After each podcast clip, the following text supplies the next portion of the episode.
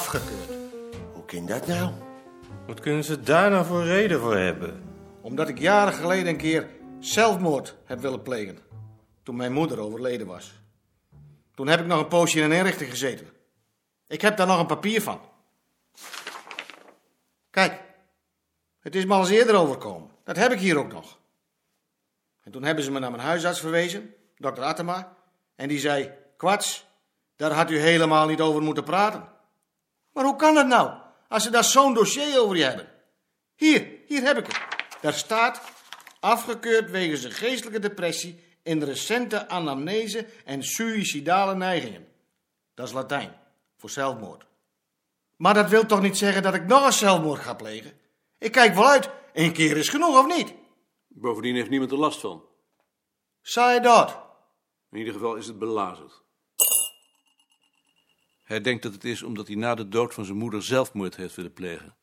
Dat heeft hij me verteld, ja. Maar het is toch idioot om die man daarmee zijn hele leven te achtervolgen? Bovendien, als hij weer in een inrichting zou komen, zou de gemeenschap het toch ook moeten betalen? Waar zijn ze in vredesnaam bang voor? Ik begrijp het ook niet. Het lijkt mij sterk overdreven. Dag heren. Dag, meneer Slofstra. Meneer Beerta. De heer Meijering vraagt zich af of u er niets meer aan kunt doen. Nee, meneer Slofstra. Ik kan er niets meer aan doen. Dank u wel. Dag heren. Kunt u echt niets meer voor hem doen? Dit is onrecht. Ik zou een herkeuring kunnen aanvragen. Dan moeten we herkeuring aanvragen. Ik zal herkeuring aanvragen. Ik begrijp het probleem. Ik ben niet de eerste. Het is met deze man elke keer hetzelfde. Hij is niet te handhaven. Ik neem u dat niet kwalijk. En dan zit ik anders op dan dat ik wat anders voor hem tracht te vinden. Ik zal u iets anders vertellen. Wij nemen deze man in dienst. In dienst? Wij kunnen hem heel goed gebruiken. Voor ons bureau heeft hij precies de vereiste kwaliteiten.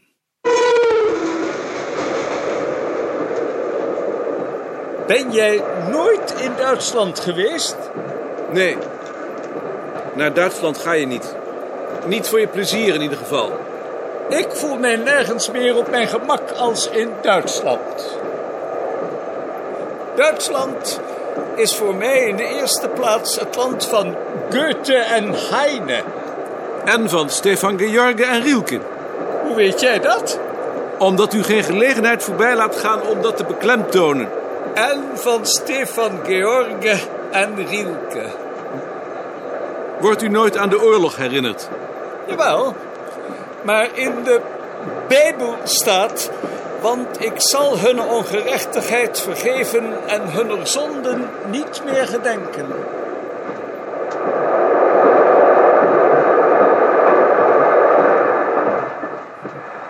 Zelfs hun huizen zijn verdomd Duits. Natuurlijk zijn hun huizen Duits.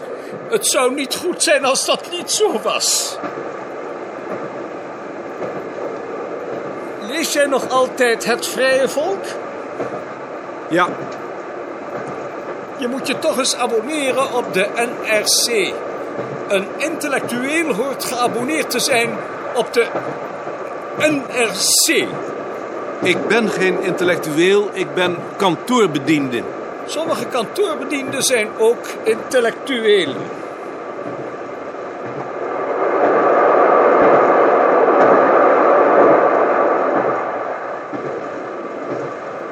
Hoe doet u dat in Duitsland met de fooien? Net als in Nederland. Hoe doet u het dan in Nederland? Als een heer een man ontmoet, geeft de heer de man een fooi.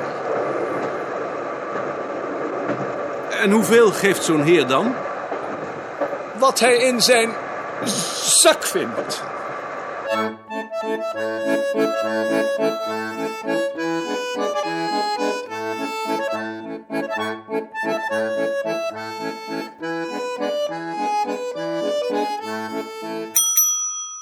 Der Professor im ersten und der Herr im vierten Stock.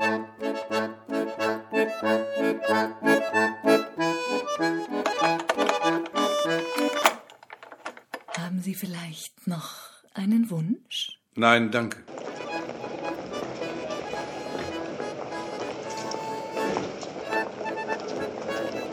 Hebt u dat meisje een fooi gegeven? Natuurlijk. Ze had mijn koffer toch gedragen? Ah, daar zijt gij. Ik heb in mijn hotel eh, naar u gevraagd, maar u was daar niet ingeschreven. In welk hotel heeft men u ondergebracht? In het Belgische Hof. Ja, in het Belgische Hof. Dat is voor ons zuinige Hollanders niet weggelegd. Wij zijn al tevreden met een eenvoudig burgermanshotel. Oh, het is een goed hotel. Ik ben er graag.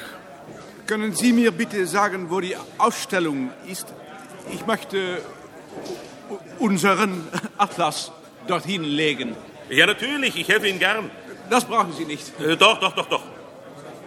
Sind wir uns schon mal begegnet? Nein. Ich bin hier noch nie gewesen. Günther Mann. Sie arbeiten bei Professor Bertha? Ja, Das muss sehr anregend sein. ja. Ich meine, solche Themen, wie Sie sie in den Niederlanden bearbeiten, sind ungeheuer interessant. Der Klabautermann. Zum Beispiel?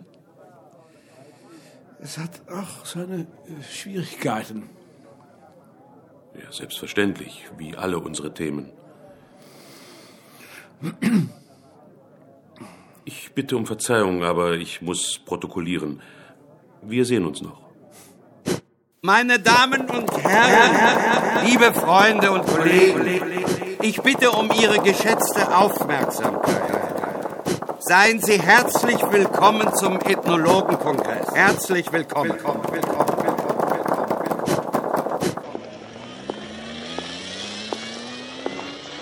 Eigenlijk zou je hierover een boek moeten schrijven.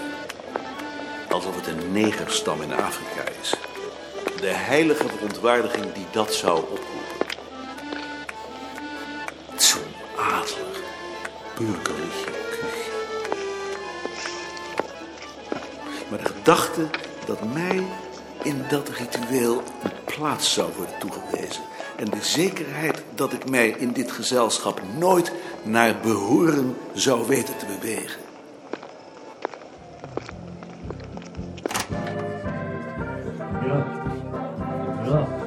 Ein Bier bitte.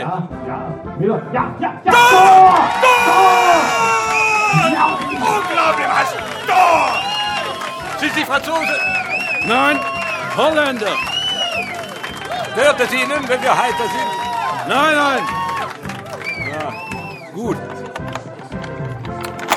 Dit is dus het avontuur. Ik heb het vermoeden dat ik voor dit leven slecht ben toegerust. Der Feind will bedrohen unsere Flanken. Nun stoßen durch Feld und Verlauf. Stukas bereiten die Landung der Fallschirmjäger vor. Bomben auf Flak-Artilleriestellungen und Befestigungen der Engländer.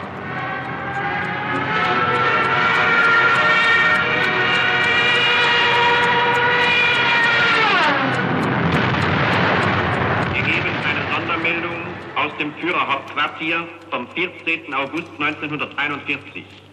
Das Oberkommando der Wehrmacht geht bekannt.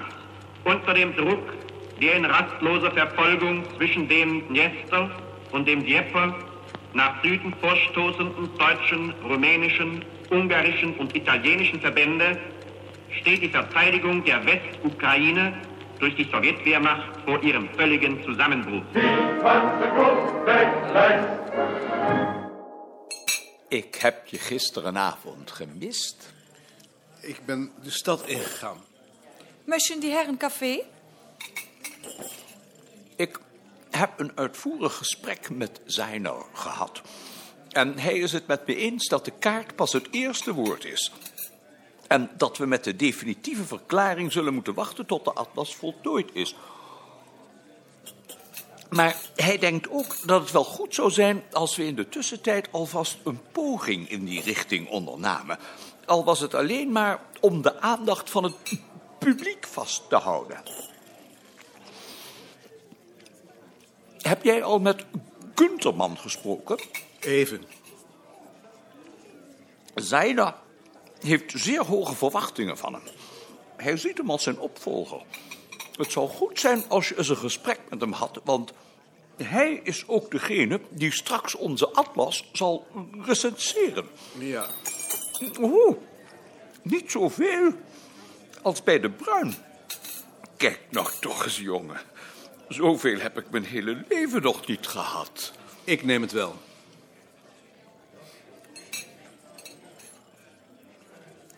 Zo is het beter. Al haalt het niet bij de koffie van de Bruin. Zulke koffie krijg ik nergens. En ik ken geen smerige koffie. Darf ich mich zu Ihnen setzen? Aber gerne, Frau Professor. Ach, sagen Sie doch nicht Frau Professor. Sagen Sie doch Frau Kollege. Aber Sie sind Professor und ich nicht.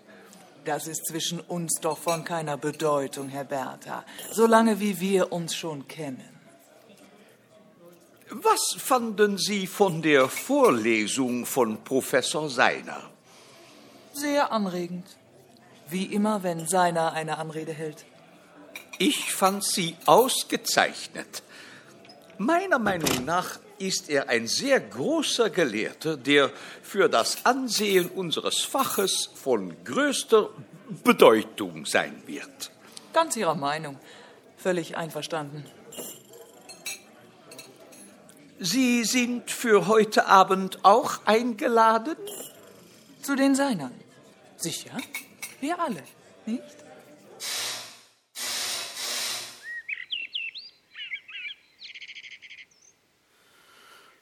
Es duftet naar dem Frühling. Ja. Frühling in Deutschland. Ja. Deutschland. Haben Sie unter den Deutschen gelitten?